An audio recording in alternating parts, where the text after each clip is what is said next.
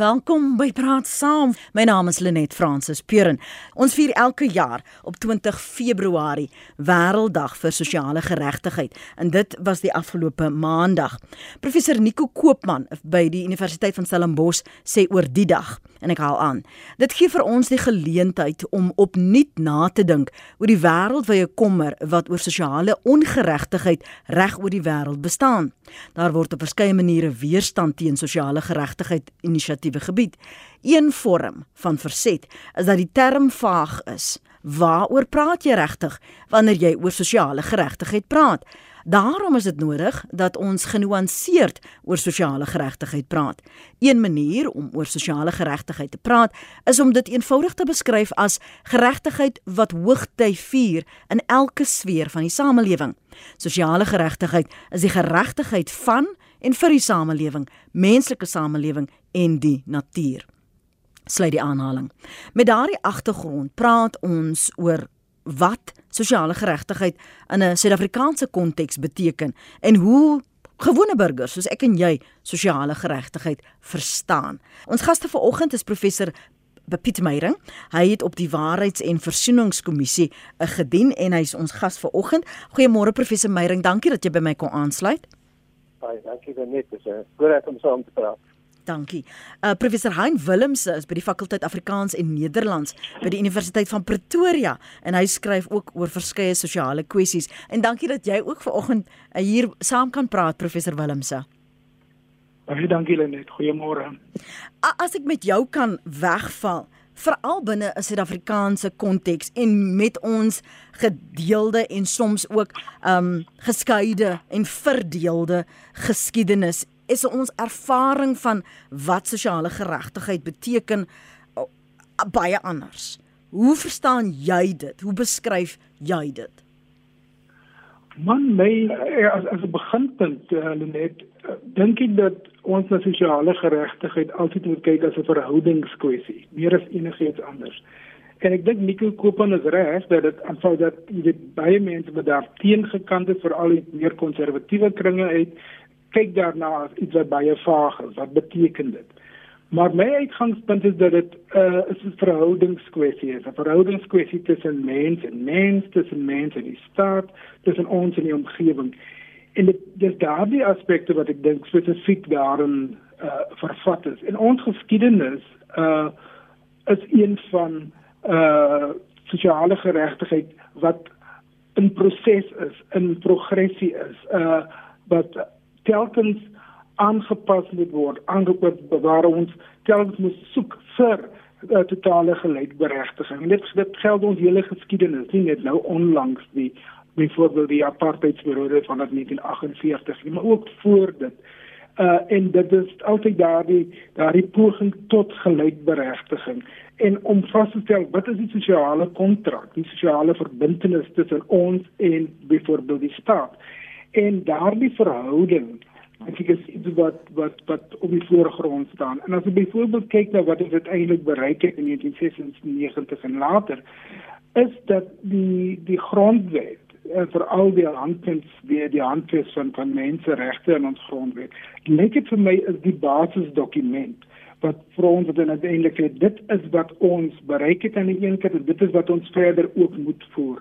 En al daardie regte vir my is die basis vir vir waar vir, die geskiedenis wat ons het en waarin ons op pad is. So menswaardigheid is dink ek een van die kernfasette daarvan hmm. dat ons uiteindelik gelykberechtig word in terme van ons werk, maar ons uh, menswaardigheid en ons uh die Engelse begrip van dignity dignitas dit is dan so staan so in die kern van dit alles en al die ander dinge daar rondom die sosiale regte die politieke regte dink ek is berus dit eintlik op hierdie sentrale beginsel van dignitas dignity menswaardigheid. Hmm.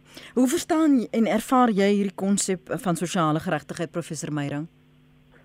Dit dit luister lekker dat professor Hein hmm. sê en ek 'n bietjie verder terug gaan as hy sê dat die mens moet begin by die begrip van menswaardigheid dat op allerlei maniere vasgelê is dan dink ek dat mens kan nog 'n bietjie verder terug gaan. Jy het nou vir my genooi en ek is 'n teoloog en ek kan nie anders om net eers by die Here by die by God te begin nie.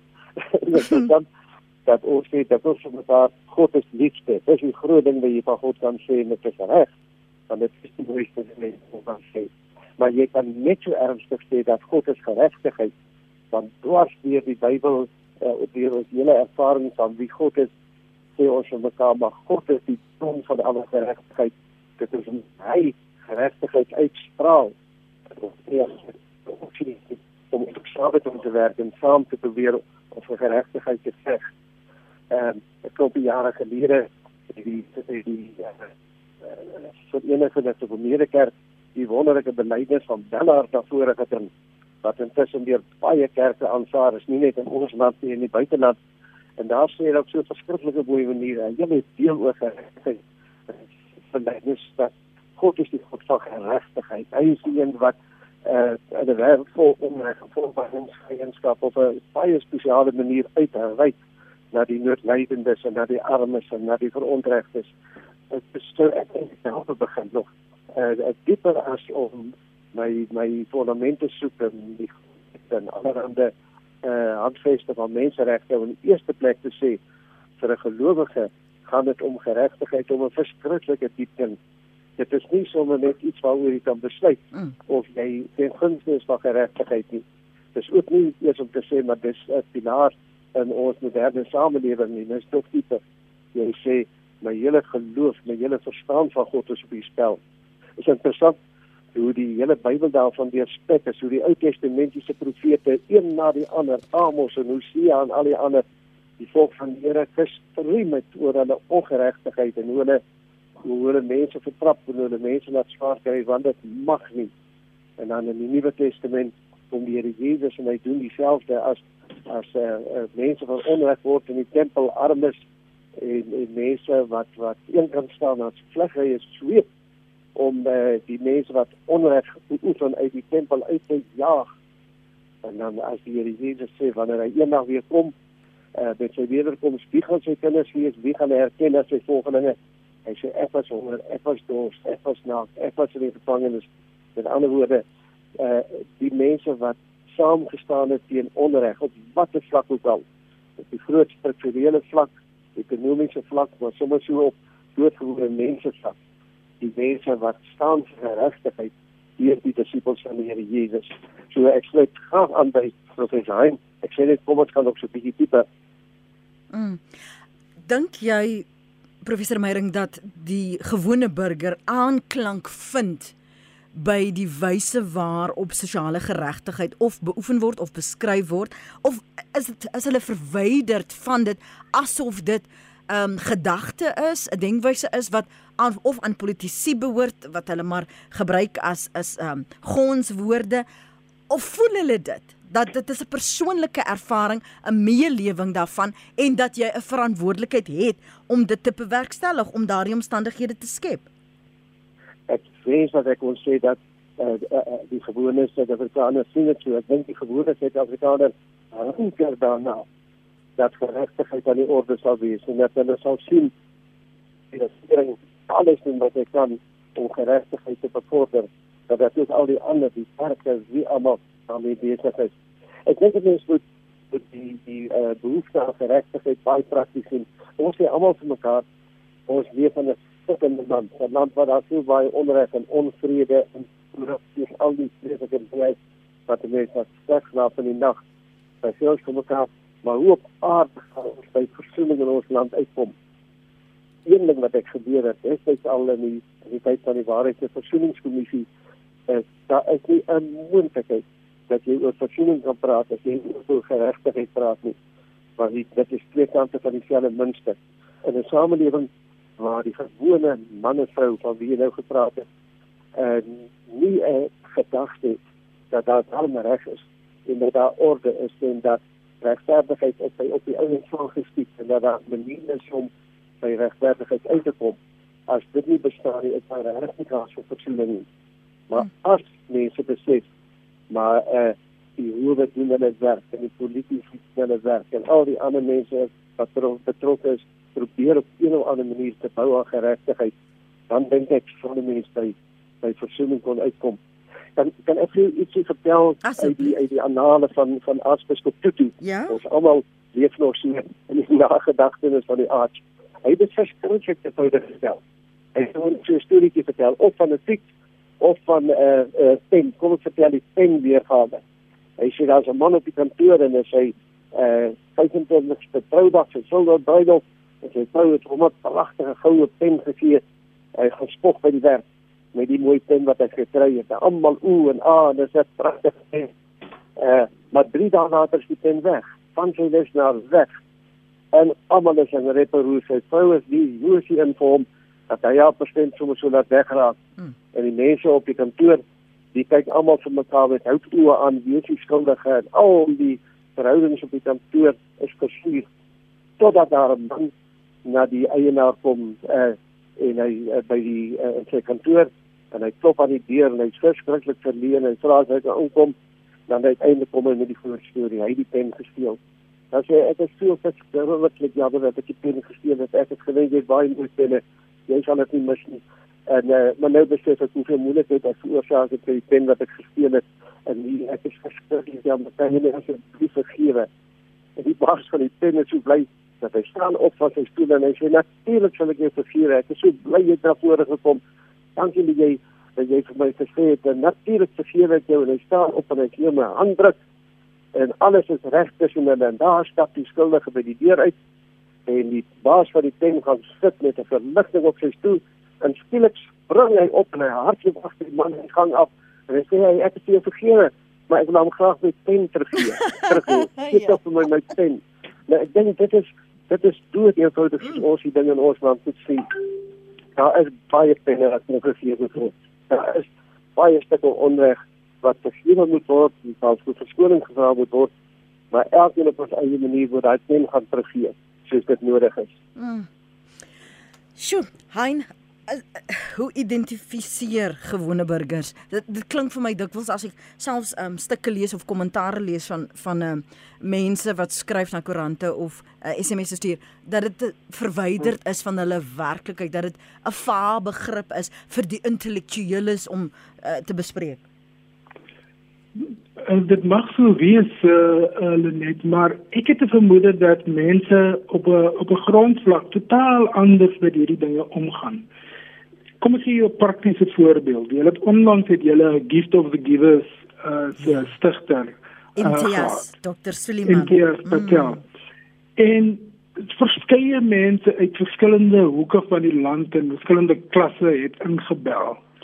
Uh en ondersteunend uh oor sy organisasie gepraat en hulle meelewing uh betoon. Dit vir my is op 'n baie basiese vlak uh, aanduiding van hoe mense ingestel is ten opsigte van uh sosiale geregtigheid die vermoë tot byvoorbeeld armoede verligting caritas nê nee? die vermoë van sakka in die moslim tradisie en so meer uh so hier het jy iemand wat uit 'n um, moslim uh agtergrond kom 'n moslim uh uh uh organisasie aanvanklik aan die gang gekry het en nou strek dit oor alle grense heen En mense wat byvoorbeeld op RFC inbel, is nie noodwendig moslems nie. Mhm. Kom uit verskillende agtergronde uit. En hulle soeke is na hierdie basiese sin van van sosiale geregtigheid. 'n uh, Tweede voorbeeld, byvoorbeeld in die ergste uh, die in die ergste in die tye van die ergste vreemdelinge haat episode in ons land 2020 2008 en later aan. In daardie gemeenskappe wat daarnaas liggende gemeenskappe wat terwyl uh, van hulle bure hierdie vreemdelinge ehm uh, terroriseer en viktimiseer en so meer was daar mense gewees wat op hulle eie uh uitgereik het en aange en gehelp het en uh sopkombyse en wat ook al uh daar gestel het. So hierdie basiese ingesteldheid van die goue reël, né? Uh doen aan ander uh, soos jy aan jouself gedoen wil hê. Is 'n baie basiese beginsel ook in alle godsdienste. En hierdie aspek, tussen die aardie verhoudingsaspek tussen mense, is iets wat ons dikwels uh, miskyk.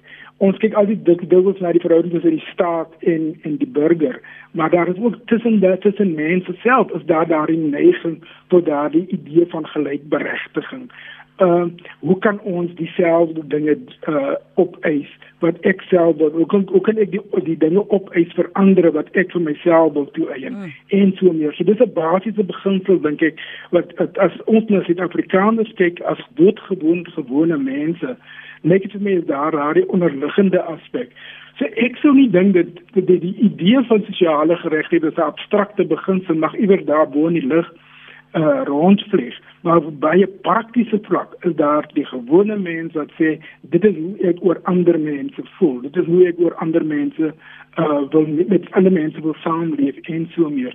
So my gevoel sou wees dat ons ook op 'n ander manier na hierdie dinge moet kyk praat saam goeiemôre môre hallo sit nie die radio af in die agtergrond asseblief hy is pas af dankie dankie Ek luister. Môre. Môre. Lenet Teresa hierso. Hallo Teresa. Weet jy, ek hoop dit gaan goed met julle almal. Ja. Ehm um, weet jy ek het jare terug toe ek in vervaardiging begin werk het, is daar iets wat ek geleer het.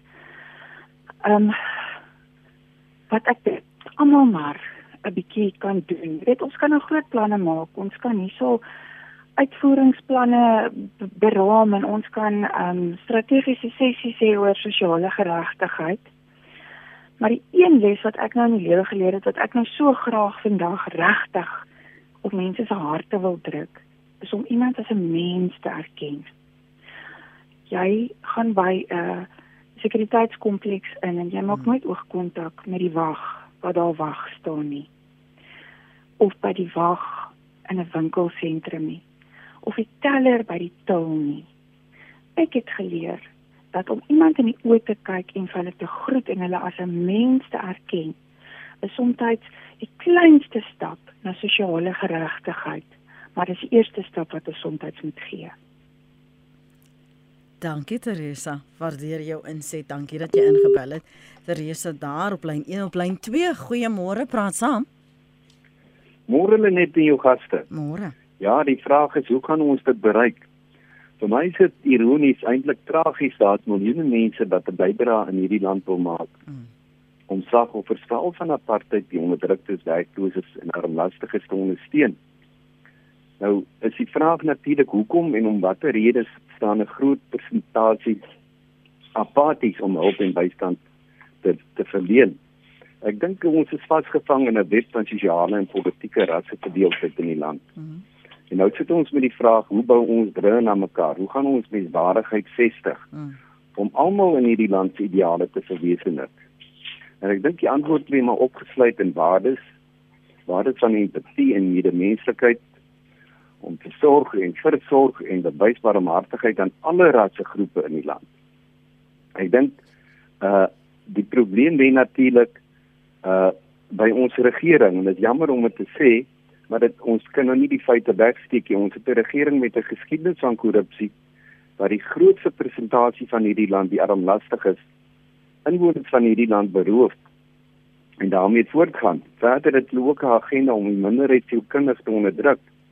Ek dink die besef van wederwysige afhanklikheid tussen verskillende groepe mense wat eenheid en harmonie bewerkstellig is die regering een van die grootste rolspelers. Baie dankie en 'n mooi dag. Voor jy gaan, dink jy ons land, ai, nee.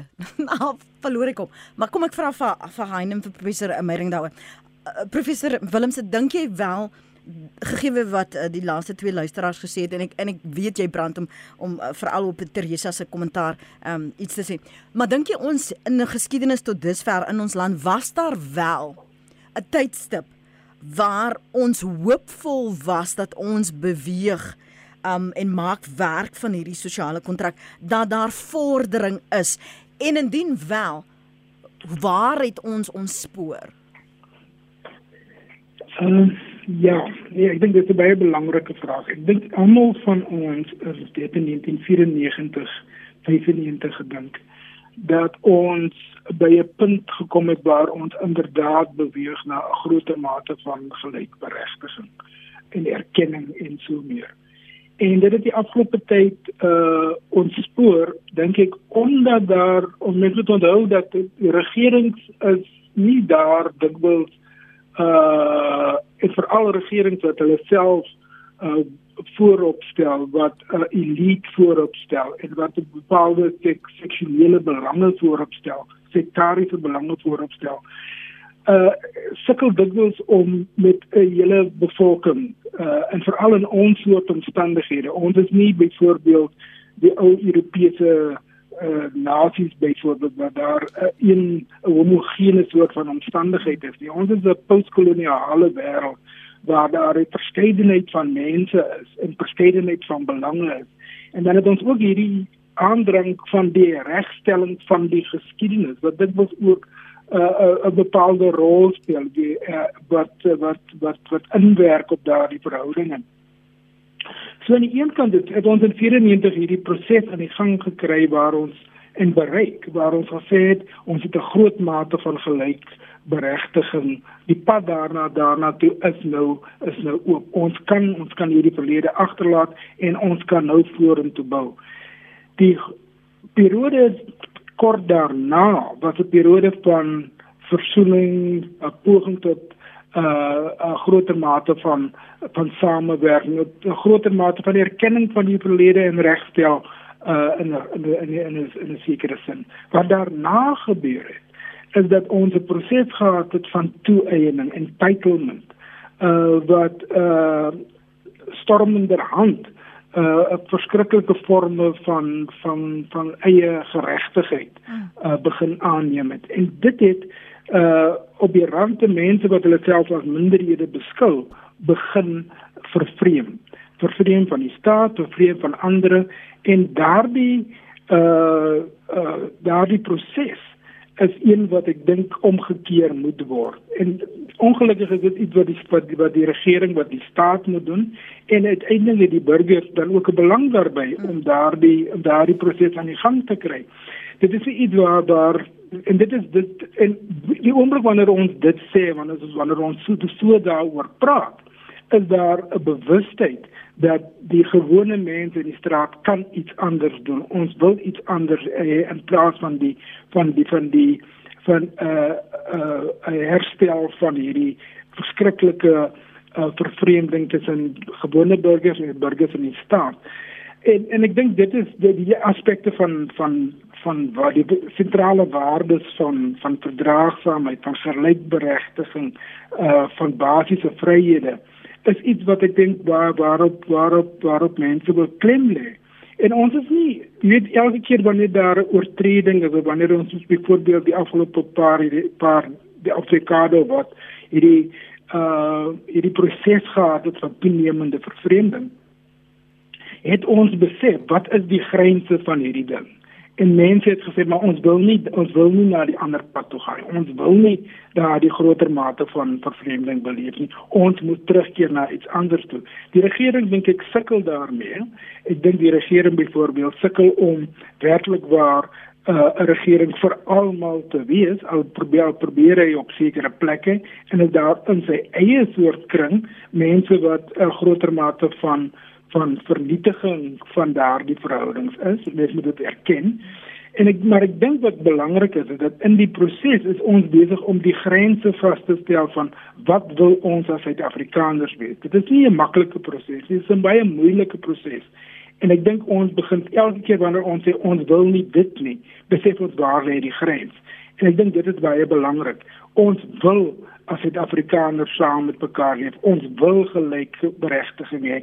Ons wil uh nie diskriminasie tussen mense hê nie en so meer en so meer. En dit ons die mees onlangse ervaring byvoorbeeld was die Julius Malema verskynsel verskyning voor voor op in die, die hof. Mm, mm, mm. Verskillende mense was baie mense was jy was het verstom gestaan oor die mate van wil ek amper sê haatigheid, hart, daad, die hartspraak element wat na vore gekom het in Malema se se se uitings terwyl ander ondersteuning daarvan was.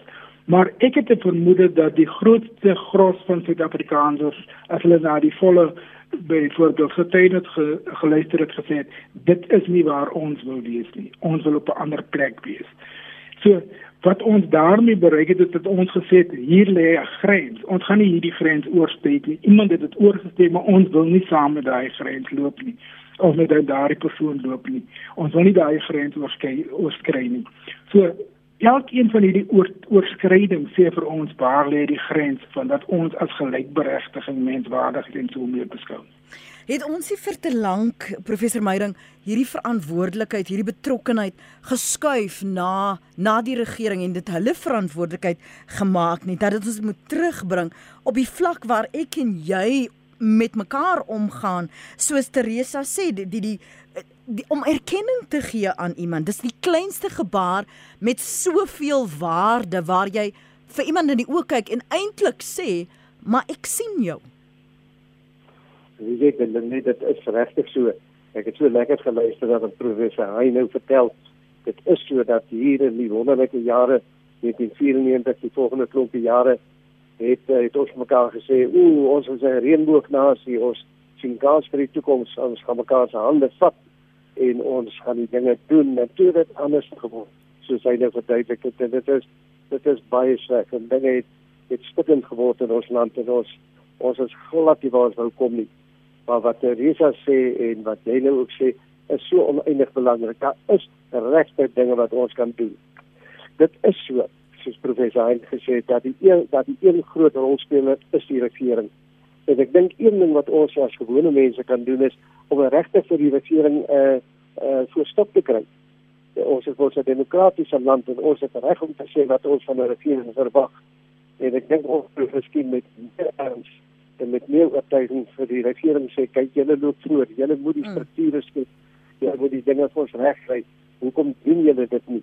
Ek dink dit kan vir die kerke sê die die groot uh, georganiseerde kerke die moderator die synodes en die sindicaat raad van kerke en al die groot organisasies maar ook vir gemeentes hoe nie sommer uh, wat het geword van julle profetiese roeping?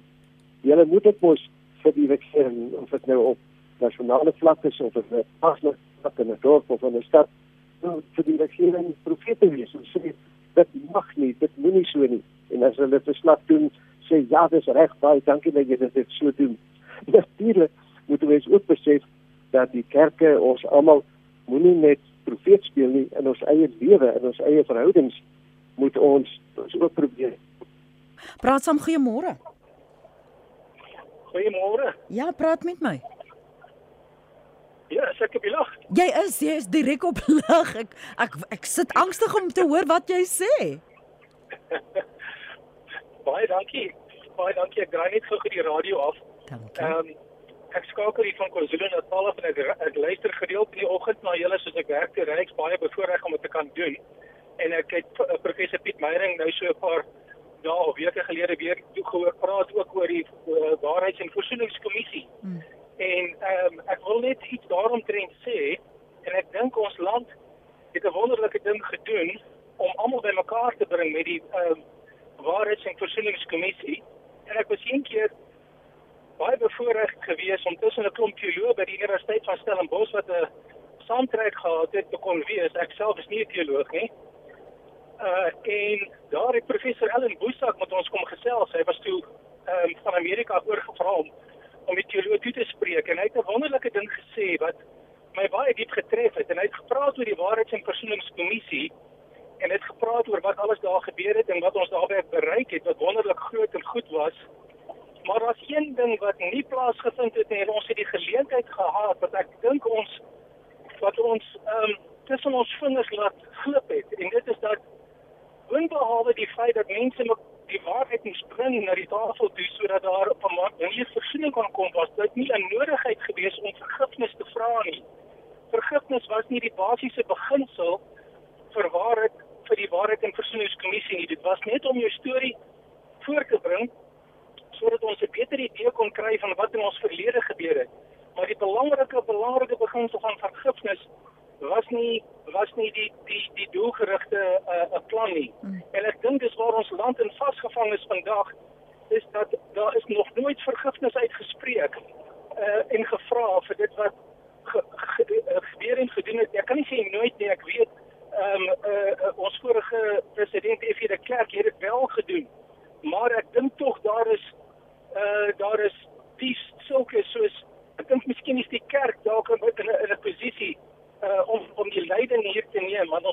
ook 'n tot 'n mate 'n bedraande faktor gehad in die hele situasie van apartheid en en ek dink dit is miskien waar ons probleem lê. Ons moet ons moet baie gefokus wees op vergifnis. En um, en baie dankie vir julle program. Ek luister gereeld en dit is wonderlik om om om vandag hier uh, deel te kon hê. Ek luister by die radio. Baie Wat dankie. is jou naam? Ekskuus.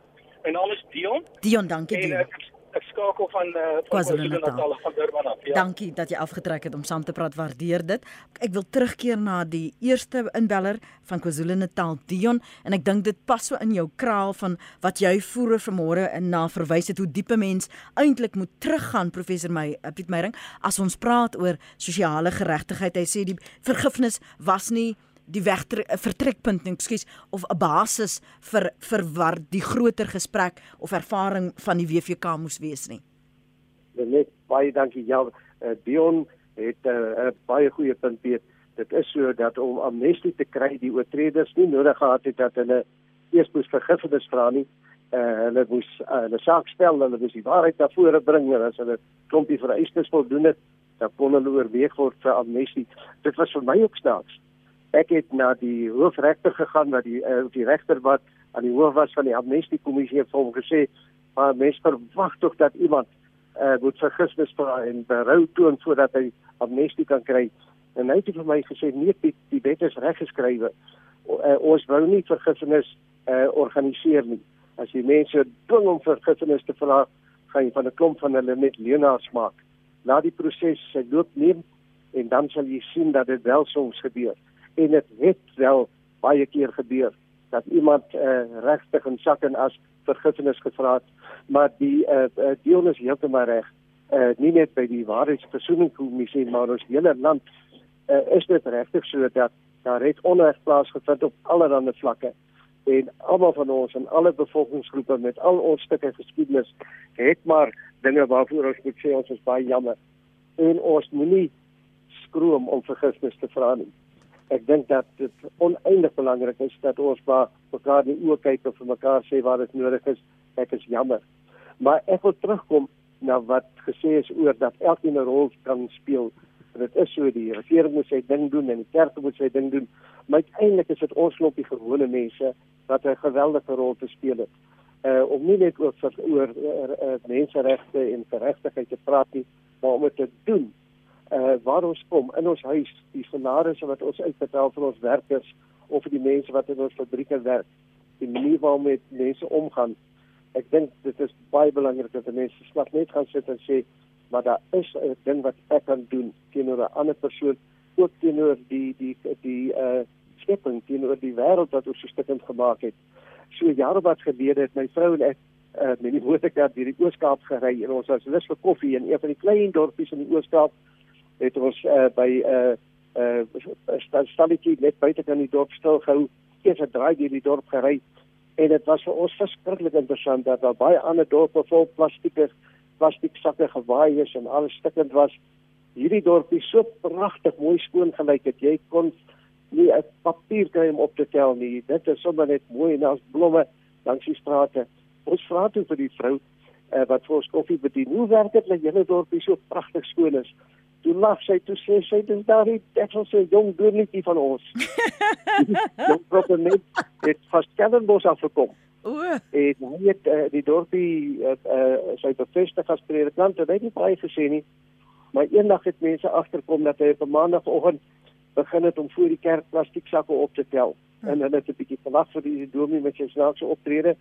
Maar die volgende week begin die straat op en af om plastiek sakke op te tel en 'n bietjie skoon te maak. En later het 'n klompie mense by hom aangesluit en later is die hele dorp skoon omdat hulle 'n voorbeeld gehad het om te volg. Elkeen kon sy plastiek sakke gaan optel en 'n blomplant en die dorp het pragtig mooi geword. En ek dink dis miskien wat nodig is in ons land dat ons vir mekaar sê hoorie die die groot dinge moet regkom en die Zondo kommissie en die vervolgings na aanleiding van die Zondo kommissie moet sy gang gaan want op die groot vlak moet dinge regtig nou gedoen word. Maar hier in my eie omgewing, ehm uh, kan ek begin om papiersakke, plastiek sakke op te tel. Ek kan begin om stukkies onreg en stukkies pyn en stukkies hartseer wat daar rond lê in ons omgewing op te tel, verskoning te vra as dit nodig is, maar ook uit te reik dat die mense nie net praat oor menseregte nie, maar dat ons dit beoefen. Ja, vee voor jou eie deur en jou eie eie jaard. Dankie professor Piet Meydering. Jy moet ongelukkig nou eers gaan. Professor Piet Meydering uh het op die Waarheids- en Versoeningskommissie gedien. Hier is uh van ons SMS'e. Hier is 'n spesifieke een wat tersaaklik is. Um en uh, ek gaan nou vir professor Hein Willem se geleentheid gee om uh, af te sluit vanoggend. Dis Ilse van Sandbaai wat skryf ek gesels my hele lewe al met die vrou by die til. Die petrol joggie man of vrou voor of agter my in die ry die man wat my medisyne aflewer en so voort die oomblik as jy vra hoe gaan dit verander die hele atmosfeer. Harde bang onsekerheid versag.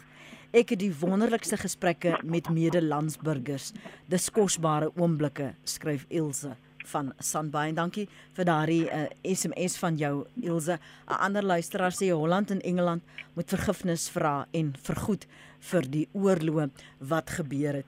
Uh, terwyl ons vanoggend gesels oor hierdie uh, sosiale geregtigheid, professor Hein Willemse bly my kop terugneig na wat besig is om om te ontwikkel en ontvou daar um, tussen die Oekraïne en en Rusland, maar ook Korea, Suid-Korea en Noord-Korea Korea en en Amerika en Japan want want daar is 'n stukke en brokke geskiedenis wat 'n mens nie net kan laat verdwyn nie. Ja, nee, jy's reg. Uh ek dink in elkeen elkeen van daai gevalle is daar diep geskiedenisse van van uh koloniale verbintenisse, lang geskiedenisse van onderdrukking, geskiedenisse van uh van afsplitsing uh en uh, geskiedenisse van verskillende uh ek kyk op die wêreld, die sosiale sisteme, uh uh ekonomiese sisteme en so meer.